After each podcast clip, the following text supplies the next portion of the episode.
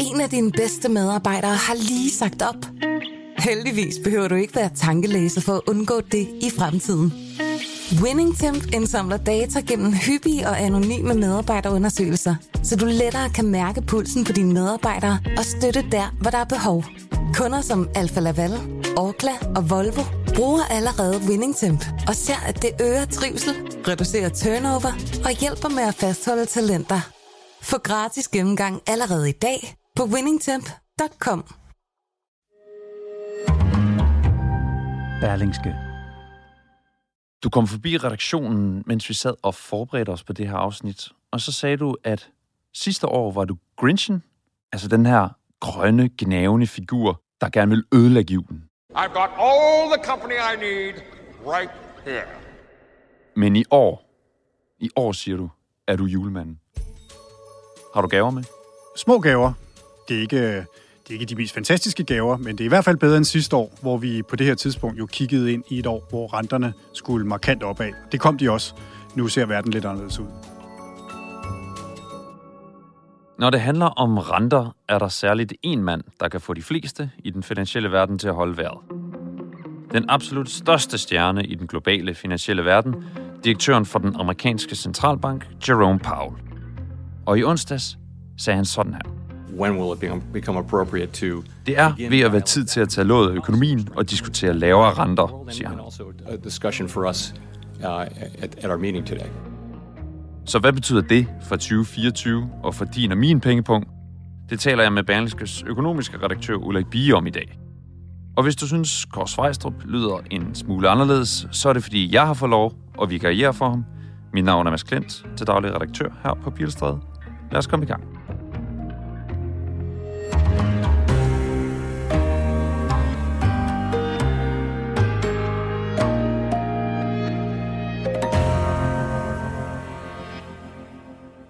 Men Ulrik, i virkeligheden er det jo slet ikke dig, der er julemand.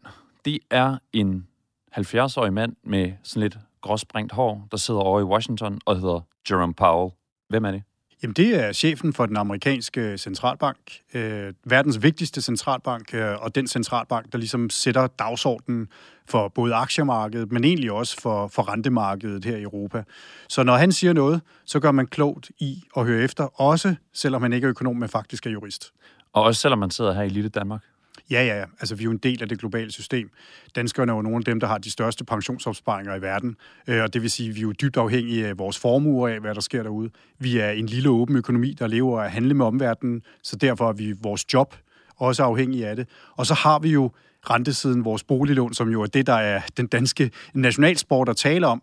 Øh, og det kan godt være, at noget af det bliver bestemt hos den europæiske centralbank i Frankfurt, men faktisk bliver rigtig, rigtig meget det, man kan sige, som er renteniveauet, også herhjemme, det bliver faktisk bestemt af, hvad der sker i Washington.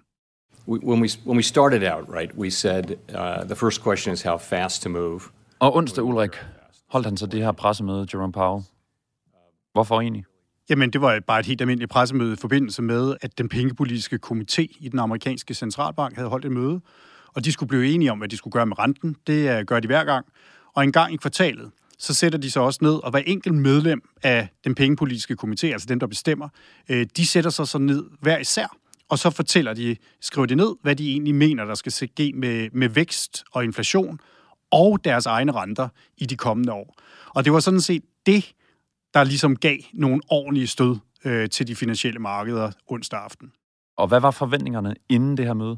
Jamen, forventningerne var sådan set, at øh, fra det her niveau, øh, vi er på med en amerikansk rente på, på 5,5 procent, som er den højeste siden øh, årtusindskiftet, at øh, man ville begynde at sætte renten meget langsomt ned. Øh, I markedet havde man egentlig troet, det ville gå ret hurtigt, altså at man ville sætte øh, renten ned fem gange i 2024. Centralbanken havde sidst i til udtalelse om det her i september sagt, at renten egentlig bare skulle en enkelt, altså en kvart procentpoint ned fra det niveau, hvor den er på nu. Og det var jo sådan set det, at øh, når vi kigger på, hvad der er sket i de finansielle markeder siden øh, starten af november, jamen så er aktierne steget, renterne er faldet, og det er sådan set, fordi man bliver ved med at skrue op til forventningerne, altså i de finansielle markeder, til hvad centralbanken skulle levere næste år. Og lad os så gå til selve det her pressemøde onsdag, hvor alle hænger ved Pauls læber. Hvad kommer han til at sige? And, and think it's not likely that we will, will hike, although they don't take that possibility off the table. So that's Hvad sagde han? En halv time før pressemødet, der kommer der en meddelelse ud, og der får man så de her øh, vurderinger af, hvad de enkelte hver især øh, mener, der skal ske med renten. Og det, de havde gjort, det var, at de for næste år lagde to flere rentenedsættelser ind. Det var meget mere, end man havde forventet. Og øh, så er det jo så, at øh, når Paul går på, så beslutter han sig sådan for, hvad tonen skal være. Og det vil sige, at man, han kan gå ud, og så kan han stramme op i forhold til øh, det budskab, der er blevet leveret.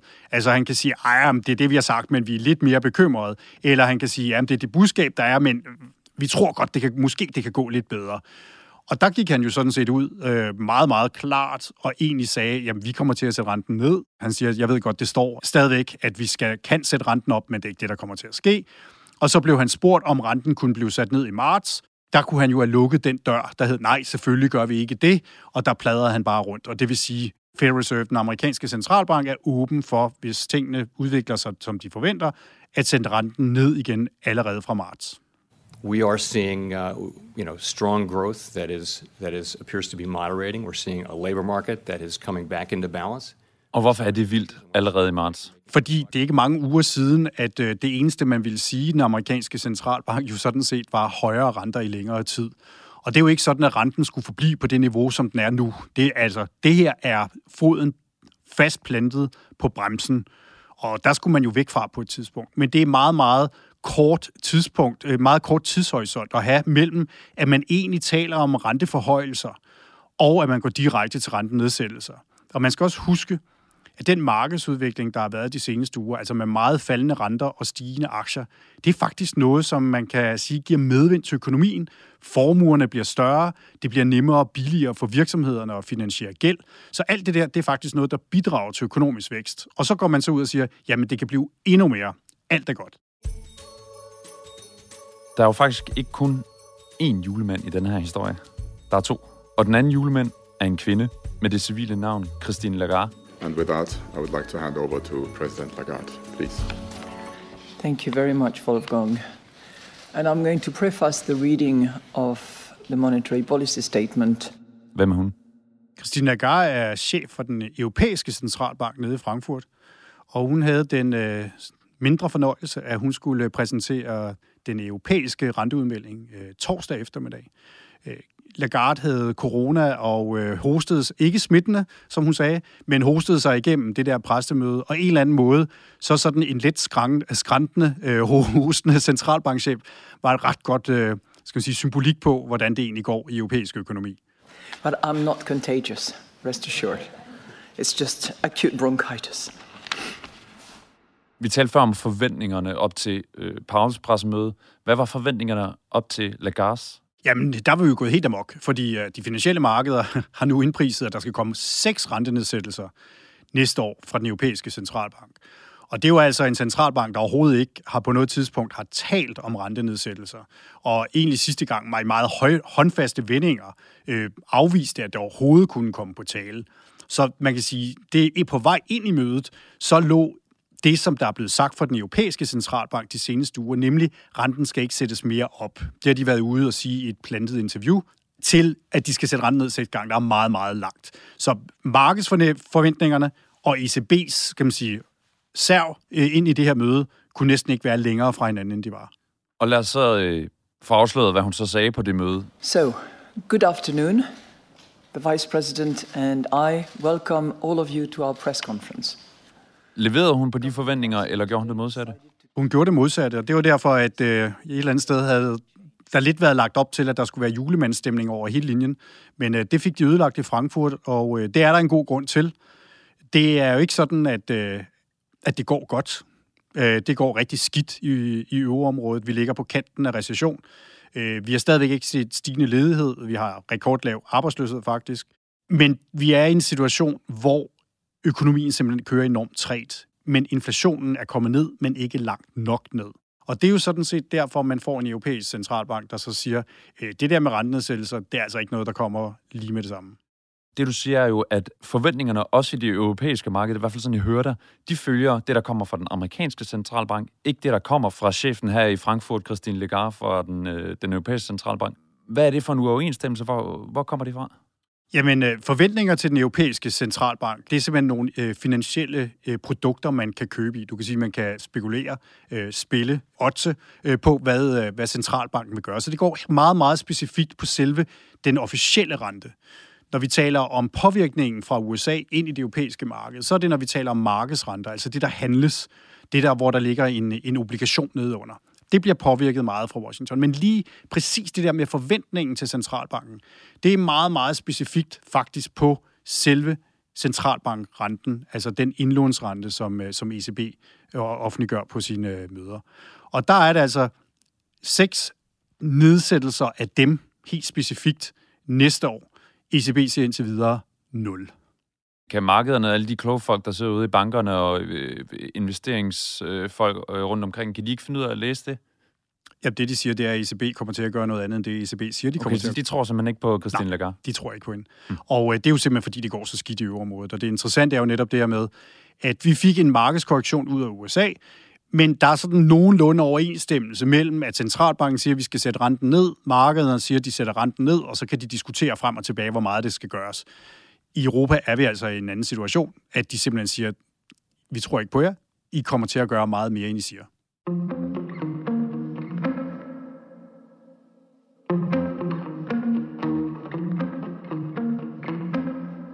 Okay, Ulrik, lad os, øh, lad os tale lidt om konsekvenserne her i Danmark.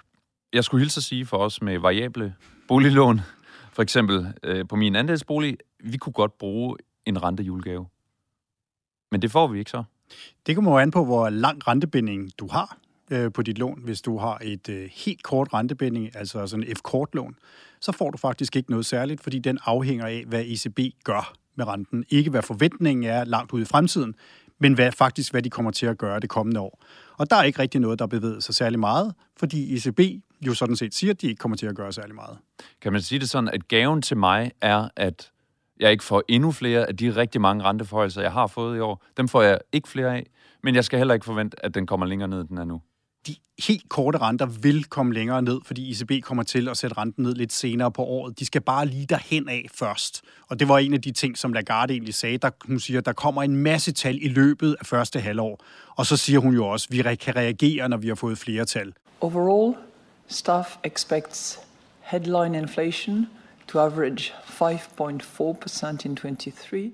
I løbet af de kommende møder, så begynder de at sige, okay, nu åbner vi for, at vi kan sætte renten ned. Men de er der ikke nu. Så det skal nok blive lidt bedre.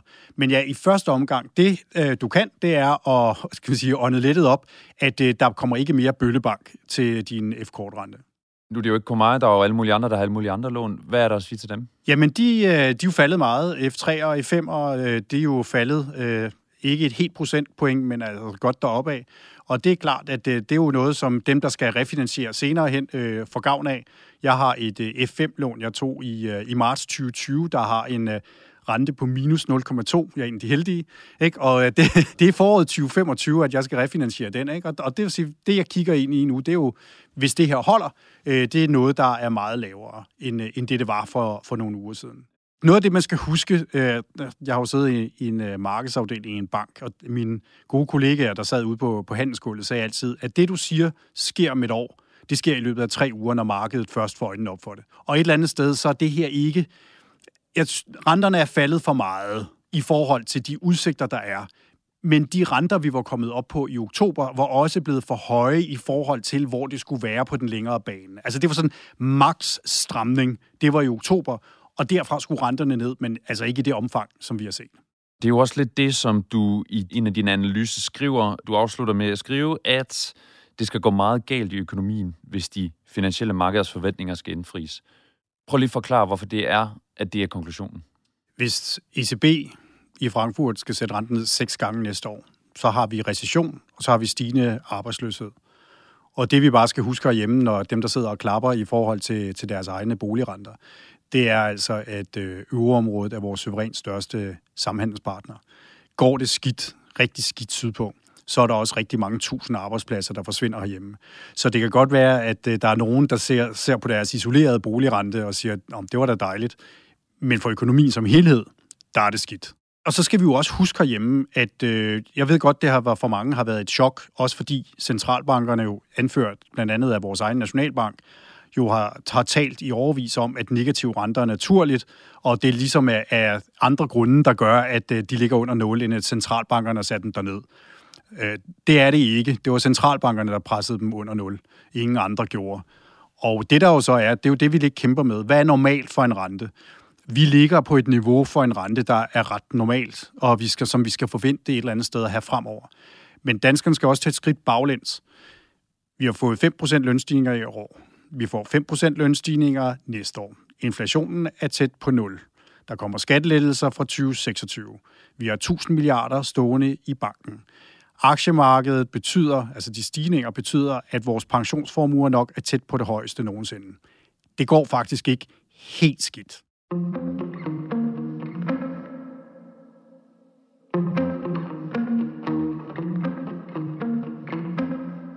Noget, jeg sådan står og tænker over, når du forklarer, Ulrik, det er, at de fleste, der lytter med her, vil nok tænke, det er en god ting, at renterne falder. Men mener du egentlig det? Jeg synes, det er en god ting, at renterne falder for de niveauer, de var kommet op på. Men det er også en god idé og en god ting, at renten er større end 0. Rente er jo sådan en, en pris på penge, og når noget koster noget, så bliver vi også mere opmærksomme på, hvad vi bruger dem på. Er det her en god investering? Øh, og det gælder også virksomheder. Skal vi bruge penge på det her? Jamen, hvis vi skal låne til det, så er det også klart, at så skal man lige gøre op med sig selv, om, øh, om det er det værd. Og det gælder jo ikke mindst, når vi taler om statsfinanser. Hvis øh, penge er gratis og renten er under 0, det er meget svært at overbevise politikere om, at de skal prioritere. Og øh, renter er det, der får os til at prioritere. Derfor er det godt, at renten er højere end 0. Der, hvor vi er, er det et godt tidspunkt at sætte renten ned? Det er jo et godt spørgsmål, faktisk. Dansk økonomi ser ikke fremragende ud, når man kigger på de store tal lige nu. Men der er også noget i de store tal, der måske ikke fungerer så godt, hvis, hvis vi kigger på det, der egentlig er den bedste temperaturmåling for dansk økonomi, nemlig beskæftigelsen. Så bliver den ved og ved og ved med at stige, selvom alle de kloge mennesker siger, at den skal falde. Og øh, det er jo det, der viser, at øh, der sker noget derude, som er godt.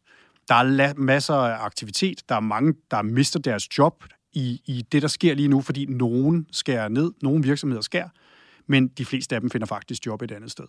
Så vi har jo øh, også haft en, en ledighed, der egentlig holder sig meget, meget lavt. Alt sammen er godt.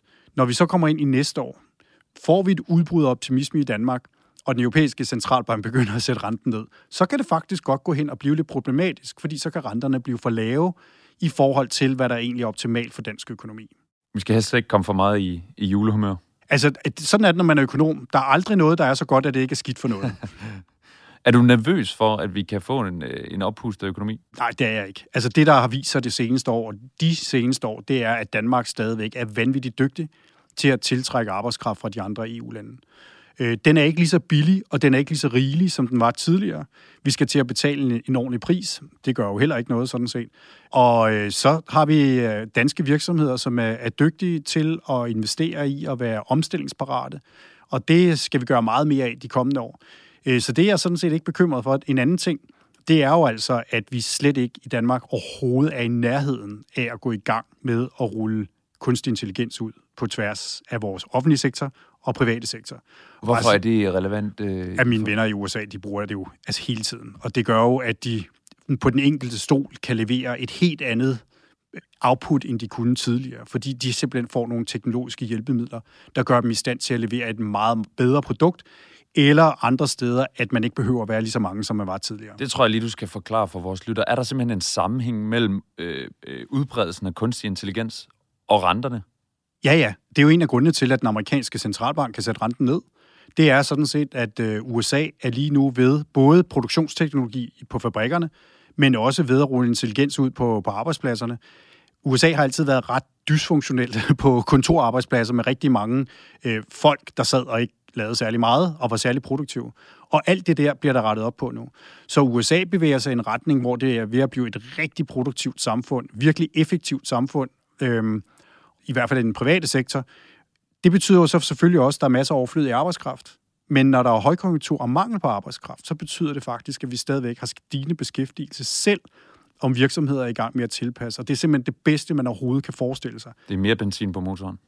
Jamen, det er på, du kan sige, den om, enorme omstilling, som kunstig intelligens betyder på arbejdspladser. Hvis du gør det på et tidspunkt, hvor der er lavkonjunktur, og det er jo ofte der, man kommer til at lave de her ting, fordi man skal gøre et eller andet, øh, jamen så tager du på et tidspunkt, hvor der er høj eller stigende ledighed, og så smider du en masse mennesker ud på, på det ledighedsmarkedet. Ikke? Og, og det, er jo, det er jo rigtig skidt for økonomien, og det gør jo øvrigt også, at folk bliver bange for teknologi. Hvis du laver den teknologiske omstilling på et tidspunkt, hvor der er mangel på arbejdskraft, så frigør du faktisk uproduktiv arbejdskraft et sted hen, hvor de er mere produktive, og dermed jo faktisk også kan få en højere løn. Og det er derfor større lønstigninger i USA ikke nødvendigvis giver inflation. I øvreområdet, der er produktiviteten faldende, det vil sige, at lønstigninger har en tendens til at blive mere væltet over i priserne, og det er derfor, den europæiske centralbank er så bange for at skulle sætte renten ned. Da vi stod her for et år siden, var du Grinchen, der kom med højere renter. I år er du julemanden. Og så er spørgsmålet jo, om du er tilfreds med de gaver, du skal dele ud, eller om de skal byttes? Jamen, vi er et, et sted, hvor jeg synes, at det, det er helt fair, at vi skulle have lavere renter, øh, altså ude i, i økonomierne. Det skulle vi. Men jeg tror også lidt, at øh, centralbankerne har, har misset øh, en mulighed for i USA at lige stramme lidt op, og i Europa give lidt mere los. Og det betyder også, at det, det der egentlig er, er risikoen med de ting, der er kommet i den her centralbankuge, det er jo sådan set, at øh, vi risikerer at skulle igennem en ny runde turbulens, fordi de ikke har styr på deres kommunikation. Og det er altid skidt. Altså, det er egentlig bedre at være sådan lidt kedelig, uden at, at invitere til den helt store fest, og så på et tidspunkt sige, at festen var sjov, men øh, nu tænder vi altså lyset og, og fjerner punchbowlen en gang til. Og det er nok det, som den amerikanske centralbank kan, kan komme til at gøre. Øh, vi må heller ikke glemme, når vi siger, at sidste år var, var grinch -agtigt. Ja, der kom renteforhøjelser. Alle jer med, med korte lån, øh, god fornøjelse med det. Men rent faktisk, så er de lange danske renter, altså den 10-årige danske statsrente, er jo i dag ikke højere, end den var i januar. Så de der renter ude i økonomien har jo ikke bevæget sig. De har været oppe i løbet af året, men er jo faktisk faldet ret kraftigt igen. Danske aktiemarked opfører sig lidt specielt, men på mange aktiemarkeder har man rekordniveauer. Det havde vi heller ikke rigtig set komme for et år siden. Så i virkeligheden kunne du godt have ønsket dig lidt mindre julefest, lidt mere julefred? Ja, altså som økonom, så kan vi godt lide, når ting er kedelige. Øh, jeg vil sige, når man, når man sidder på en avis, så har det været helt vildt sjovt og spændende og udfordrende og alt muligt i det her år. Men øh, som økonom, så kan vi godt lide sådan stille og roligt fremad, så det er altid det bedste. Nu er du træt. Nu er der, jamen, altså, jeg er på den gode måde. Øh, jeg er udmattet, men øh, det, er, det er virkelig, virkelig spændende. Og det er også fordi, vi ved ikke, hvor tingene er på vej hen.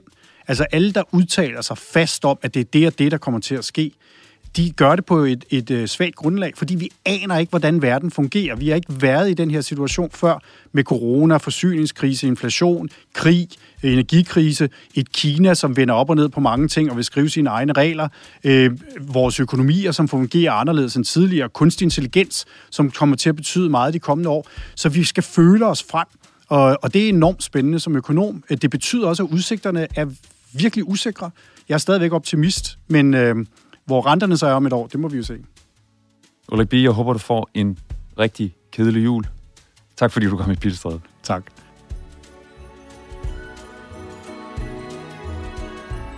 Det var alt for os i Pilstrædet for i dag.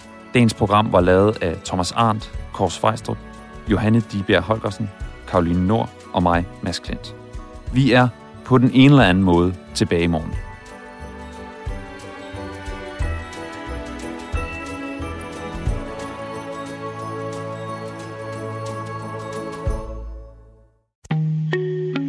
Dine bedste medarbejdere har lige sagt op. Heldigvis behøver du ikke være tankelæser for at undgå det i fremtiden. WinningTemp indsamler data gennem hyppige og anonyme medarbejderundersøgelser, så du lettere kan mærke pulsen på dine medarbejdere og støtte der, hvor der er behov. Kunder som Alfa Laval, Orkla og Volvo bruger allerede WinningTemp og ser, at det øger trivsel, reducerer turnover og hjælper med at fastholde talenter. Få gratis gennemgang allerede i dag på winningtemp.com.